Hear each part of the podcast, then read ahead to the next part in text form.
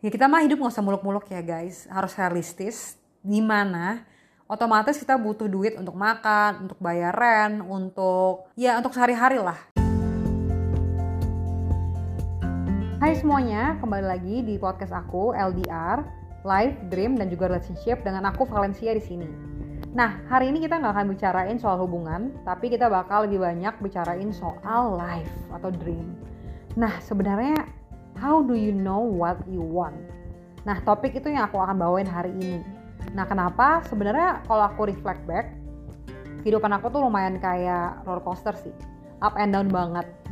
Jadi ketika SMA aku ambil jurusan IPA, lalu waktu itu jurusannya setelah aku lulus, aku lumayan bingung tuh mau ambil jurusan kuliah apa. Dan saat itu karena aku suka banget sama organisasi, jadi aku berpikir, oke, okay, I think I will like something related to let's say psychology atau mungkin kayak komunikasi. Karena aku suka banget people aku suka banget ngomong. Nah ketika aku mikir mau dua itu dan I discuss juga kan sama orang tua aku. Dan saat itu mereka bilang wah kayaknya jangan psikologi. Karena mungkin bagi mereka mereka bingung lah kalau psikologi nantinya akan jadi apa.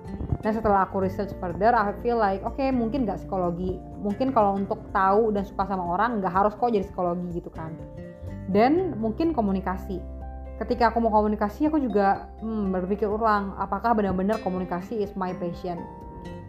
Long story short akhirnya aku mikir uh, I think I want to just choose business as my major. Karena pada saat itu aku suka banget sama organisasi aku bilang.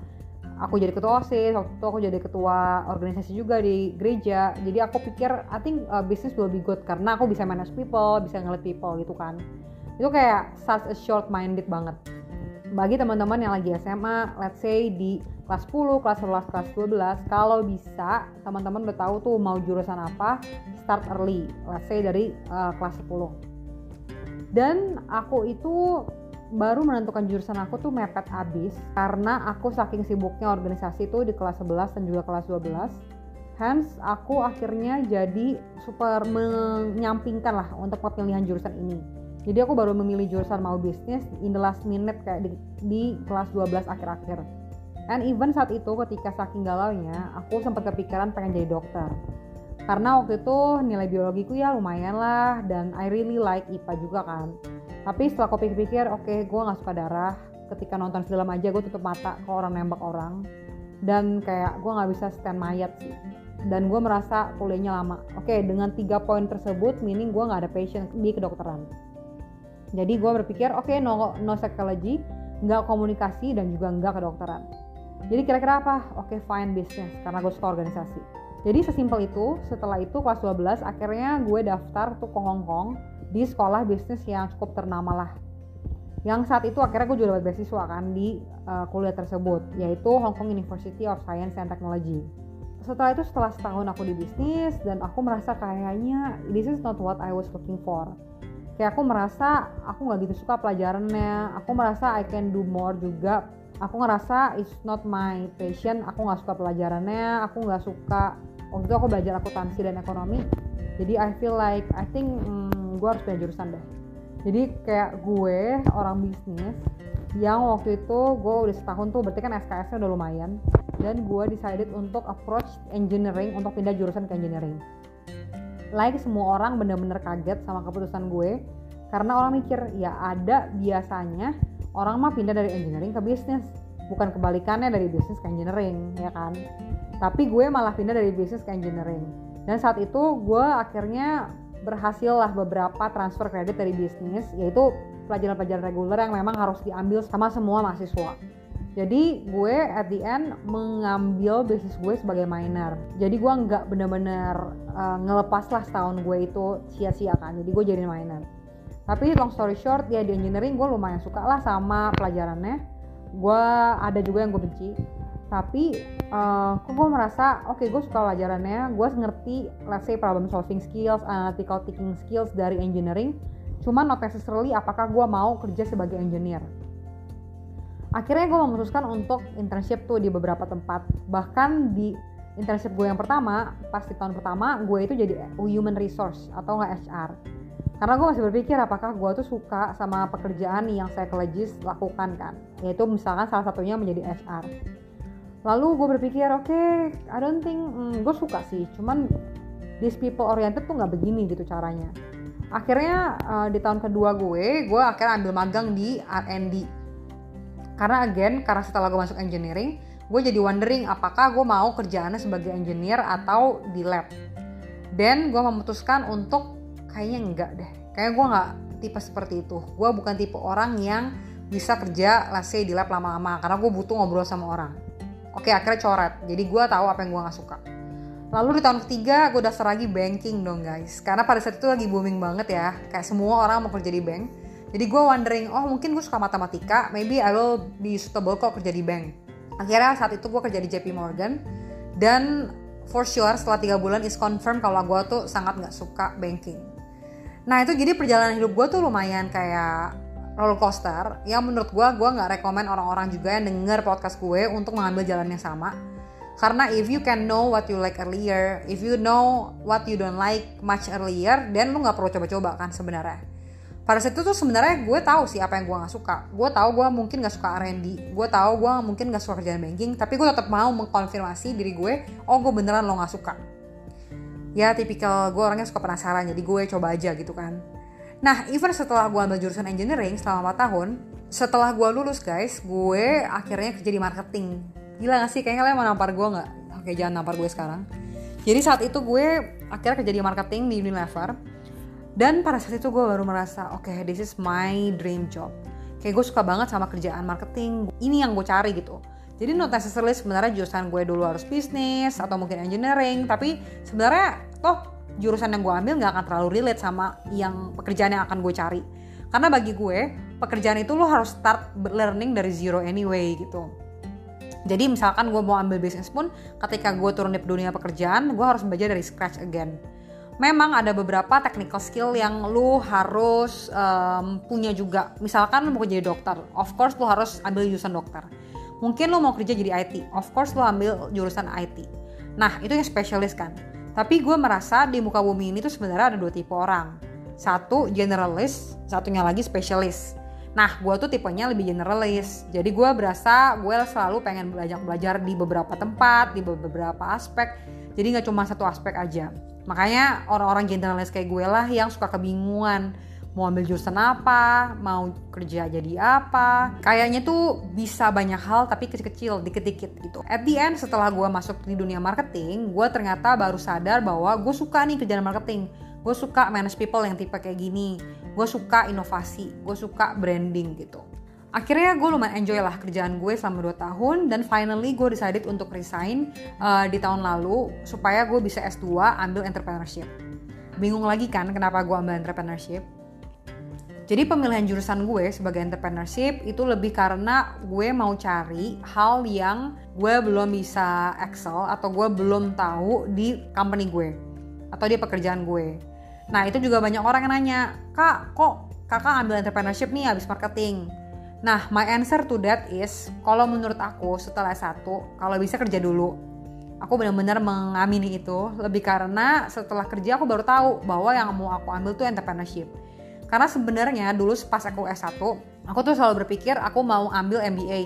Cuman ternyata setelah aku kerja, aku baru tahu aku lebih suka innovation, aku suka something yang uh, making a project. Jadi aku merasa entrepreneurship suits me more dibanding MBA. Dan itu aku baru tahu setelah aku kerja. Dan setelah aku entrepreneurship pun aku baru tahu, oh my god, ternyata selama ini gue tuh memang dari dulu sukanya sama innovation, makanya gue suka banget sama marketing. Kenapa? Karena dari SMA gue dua jualan baju terus pas gue SMA pas gue osis gue suka kayak build like a new program di uh, sekolah gue terus pas gue kuliah gue juga waktu itu nge-initiate suatu program baru yang namanya Indonesian Global Exposure di kampus gue lalu pas gue kerja even di Jepang gue juga buat sebuah kayak program baru gitu jadi gue suka something yang let's say making something nah makanya gue baru tahu kenapa gue nggak suka yang namanya R&D karena gue merasa pas R&D itu tuh lebih ke repetition jobnya. Jadi gue gak menemukan suatu hal baru. And even di banking pada saat itu gue merasa oh gue tuh nggak melakukan hal yang gue benar-benar passionate about. Yaitu menemukan sesuatu atau doing inventing something or maybe improving something. Makanya gue jadi suka banget tuh pas gue di marketing. Karena banyak banget innovation, banyak banget launch. Dan gue juga harus bisa improving something kayak improving my brand. Dan itu tuh kayak punya your own brand inside a big company. Kayak punya your own company inside a company. Jadi that feeling tuh gue suka banget. Nah makanya gue baru tahu gue suka banget sama yang namanya entrepreneurship. Dan pas gue master tahun lalu itu juga lebih mengkonfirmasi setelah gue belajar suatu konsep yang namanya ikigai dan this ikigai really helps me untuk nge-define what I like and what I don't like and what I want to be dan bukan cuma itu lebih ke arah lebih kayak how to know what I want Nah, mungkin aku tuh telat banget untuk tahu konsep ini dan menurut aku it will be helpful juga buat teman-teman yang lagi bingung mungkin pada saat kuliah atau pada saat kerja mau pindah kerja kayak untuk tahu apa sih yang sebenarnya teman-teman pengen. Jadi ikigai ini tuh ada empat aspek. Nanti mungkin bisa di Google juga abis ini. Nah, empat aspeknya itu adalah yang pertama untuk benar-benar tahu apa sih yang teman-teman suka, apa sih yang teman-teman passionate about, apa sih yang memberi energi buat teman-teman. Jadi contohnya ada beberapa hal yang let's say apakah ketika teman-teman melakukan pekerjaan yang teman-teman lakuin, teman-teman tuh dapat energi or not gitu. Atau mungkin ada something else. Kayak for me yang memberikan aku energi adalah bisa ngobrol sama orang, consultation with people, kayak just tukar pikiran, it give me a lot of energy. Jadi ketika dulu aku kerja di marketing dan aku bisa ketemu banyak orang, let's say diskusi, it give me an energy gitu. Mungkin not necessarily dari pekerjaannya kayak analisa atau mungkin bangun project atau apa pun tapi ternyata yang memberikan energi buat aku adalah ya meeting the people and working with people. Nah itu pertama adalah untuk finding what you really love and what your interest is gitu. Dan yang kedua sebenarnya adalah finding what you are good at jadi di sini uh, sebenarnya teman-teman harus tahu gitu apa yang teman-teman tuh bisa dan teman-teman pandai lakuin jadi pada saat itu pas aku di jurusan bisnis dan aku memutuskan untuk pindah ke engineering, ternyata tuh aku lumayan udah mengaplikasikan konsep inilah, walaupun aku belum tahu ya. Aku merasa waktu itu aku bisanya tuh lebih ke arah science. Aku suka hitung-hitungan, aku suka yang istilahnya finding a solution to a problem gitu kan. Jadi lebih ke engineering. Jadi pada saat itu dibanding aku di bisnis, aku suffer karena aku emang gak gitu suka sama pelajarannya. Dan I will try to find what I am good at. Yaitu science makanya waktu itu aku pindah ke engineering. Sebenarnya nggak necessarily science-nya sih. What I'm good at mungkin more on the problem solving skills-nya. Jadi aku waktu itu pindah ke engineering lebih karena aku merasa that's what I'm good at. Not necessarily what I love gitu kan nah yang ketiga poin yang ketiga itu adalah what you can be paid for. Jadi di sini tuh adalah sebenarnya apakah pekerjaan yang teman-teman lakuin atau mungkin apakah hal yang teman-teman lakuin sekarang bisa menghasilkan uang untuk teman-teman. Ya kita mah hidup nggak usah muluk-muluk ya guys. Harus realistis. Di mana otomatis kita butuh duit untuk makan, untuk bayar rent, untuk ya untuk sehari-hari lah. Jadi sebenarnya apa ya hal-hal yang bisa membuat gue dibayar? Contoh, mungkin dengan gue ngomong di depan umum, gue jadi pembicara, gue jadi mentor atau mungkin gue buka online kelas oh itu dibayar kok.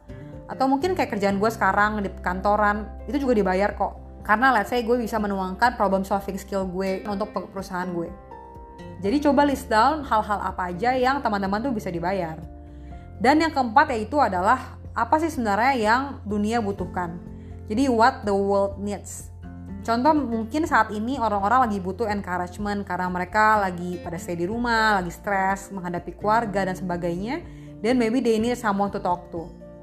Atau mungkin mereka membutuhkan seorang sosok mentor atau sosok pengajar yang bisa mengajarkan mereka hal-hal yang mereka nggak tahu. Atau mungkin yang mereka butuhkan adalah uh, bisnis baru yang bisa menggerakkan dunia. Atau apa pun itulah yang teman-teman ngerasa sebenarnya dunia tuh butuhin itu loh. Nanti intersection dari empat tersebut yaitu what you love, apa yang kamu suka. Yang kedua adalah what you are good at, yaitu apa yang kamu bisa. Yang ketiga adalah what you can be paid for, yaitu apa yang teman-teman bisa lakukan yang bisa dibayar. Dan yang terakhir adalah what the world needs, itu adalah apa apa ya sih sebenarnya yang dunia butuhin. Dan intersection dari empat itu satu atau dua hal yang merupakan what you can do gitu, the purpose of your life kinda. Mungkin the purpose of your life sounds like so berat ya. Cuman it's more on your calling maybe. I think for me kalau misalkan aku aku merasa what I'm doing now sedang menuju ke sana. Jadi aku suka banget people development aku suka banget mentoring coaching atau mungkin ngobrol sama orang-orang untuk nge-inspire people to inspire other people lagi gitu. Jadi itu yang aku suka dan aku bisa kebetulan aku lumayan suka ngomong kebetulan aku suka banget sharing kebetulan aku suka ngajar kebetulan aku suka problem solving aku suka people. Jadi kayak it's just a match gitu di situ. Dan even di kantorku sekarang itu suits untuk problem solving aku dan juga untuk managing people-nya. Tapi di luar pekerjaan aku aku buat social enterprise called Indonesian Women League. Dan juga aku ada online classes itu lebih ngesuits yang oh aku punya this desire untuk nge-develop people. Nah, lalu what you can be paid for? Oh, ternyata ada pekerjaan aku sekarang melalui problem solving skill aku dan juga entrepreneurship aku, aku bisa kok dibayar dan juga mungkin di, melalui beberapa online class. Lalu what the world needs? I think it suits kayak orang-orang butuh encouragement, orang-orang butuh another knowledge dan juga orang-orang butuh uh, sebuah bisnis atau sebuah uh, enterprise yang bisa menggerakkan dunia. Menggerakkan dunia in terms of apa? In terms of maybe sekarang nih kayak adapting to the new normal karena COVID-19 atau even cuman kayak istilahnya membuat gebrakan baru komunitas kayak di Indonesian Women League untuk saling support dan saling mengajar dan diajar. Jadi menurut aku what I'm doing now is getting there gitu untuk benar-benar fulfill what I am capable of talenta yang diberikan oleh yang di atas dan how I can be responsible to that. Karena aku tahu juga uh, aku udah dikasih talenta sedemikian rupa dan aku tahu teman-teman yang denger di sini pun juga punya talenta yang sedemikian rupa yang I'm sure bisa banget dipakai untuk memperpanjangan tangan uh, menolong orang-orang di, di luar sana. Jadi kembali lagi di journey aku yang mencelak-mencelok tadi, jadi menurut aku ada beberapa tips. Yang pertama, untuk benar-benar tahu apa yang teman-teman mau, boleh coba dari konsep ini dulu, yaitu Ikigai. Again, bisa di Google. Gampang banget, tinggal I K I G A I. Nanti aku juga bisa taruh di description aku. Yang kedua, kalau masih bingung karena melalui Ikigai ini dan juga mungkin teman-teman tuh ngelisnya panjang banget. Bagi teman-teman yang generalis mungkin akan ngetulisin what you love 10, what you are good at 10, what you can be paid for 10 gitu kan ya uh, it's me banget I feel you guys jadi mungkin what you can do is eliminate yang bener-bener kalian gak suka jadi eliminate what you don't like first kemudian fokus sama yang teman-teman suka maybe fokusin top 3 lah untuk apa yang teman-teman suka Nah dari situ, then you can find a job atau a komunitas atau mungkin just the pelajaran knowledge-nya untuk ngetes apakah teman-teman beneran suka atau enggak. Apakah benar teman-teman tuh good di sana atau enggak apakah itu sesuatu yang world needs or not. Nah, tes itu, misalkan kalau kamu di kuliah ya magang aja internship. Atau mungkin kalau kamu lagi kerja ya ambil kerja di sisi lain atau mungkin ambil kelas online di tempat lain yang sesuai dengan bidang yang kamu suka. Jadi just try it, kayak test it apakah teman-teman suka or not, and apakah itu passion teman-teman atau enggak. No matter teman-teman lagi di jurusan bisnis, engineering, dokter ataupun atau apa pun lah yang teman-teman ambil, I think jurusan lain jurusan. Tapi untuk pekerjaan, it will be nice emang kalau teman-teman bisa pakai skill yang teman-teman punya di pekerjaan teman-teman. Tapi kalau teman-teman emang ternyata figured out kalau teman-teman gak suka, then just try something new. Let's say kalau teman-teman sukanya organisasi, maybe you like business or maybe you like marketing. Mungkin banyak hal yang uh, you can try beyond what you can imagine. Jadi jangan sampai uh, mungkin buat teman-teman yang masuk kuliah, jangan sampai berpikir kalau udah ambil jurusan A harus A terus dan karena teman-teman nggak suka kalian ngerasa kayak oh my god gue udah melakukan hal terbodoh atau hal tersalah di muka bumi ini yaitu jurusan gue. Don't ever think that karena the world doesn't end there. Kayak teman-teman harus belajar untuk step up untuk tahu apa yang teman-teman nggak suka dan tahu apa yang teman-teman suka dan just try it. Try it and you will know it. Paling itu aja untuk pelajaran hari ini yang again I hope it will be useful for you guys. Jadi semangat buat teman-teman di luar sana yang lagi mencari tahu apa yang kalian mau lakuin di muka bumi ini. And please keep me updated kalau teman-teman merasa pelajaran ini berharga and keep me updated about your life in my Instagram. Bye, see you teman-teman di next episode.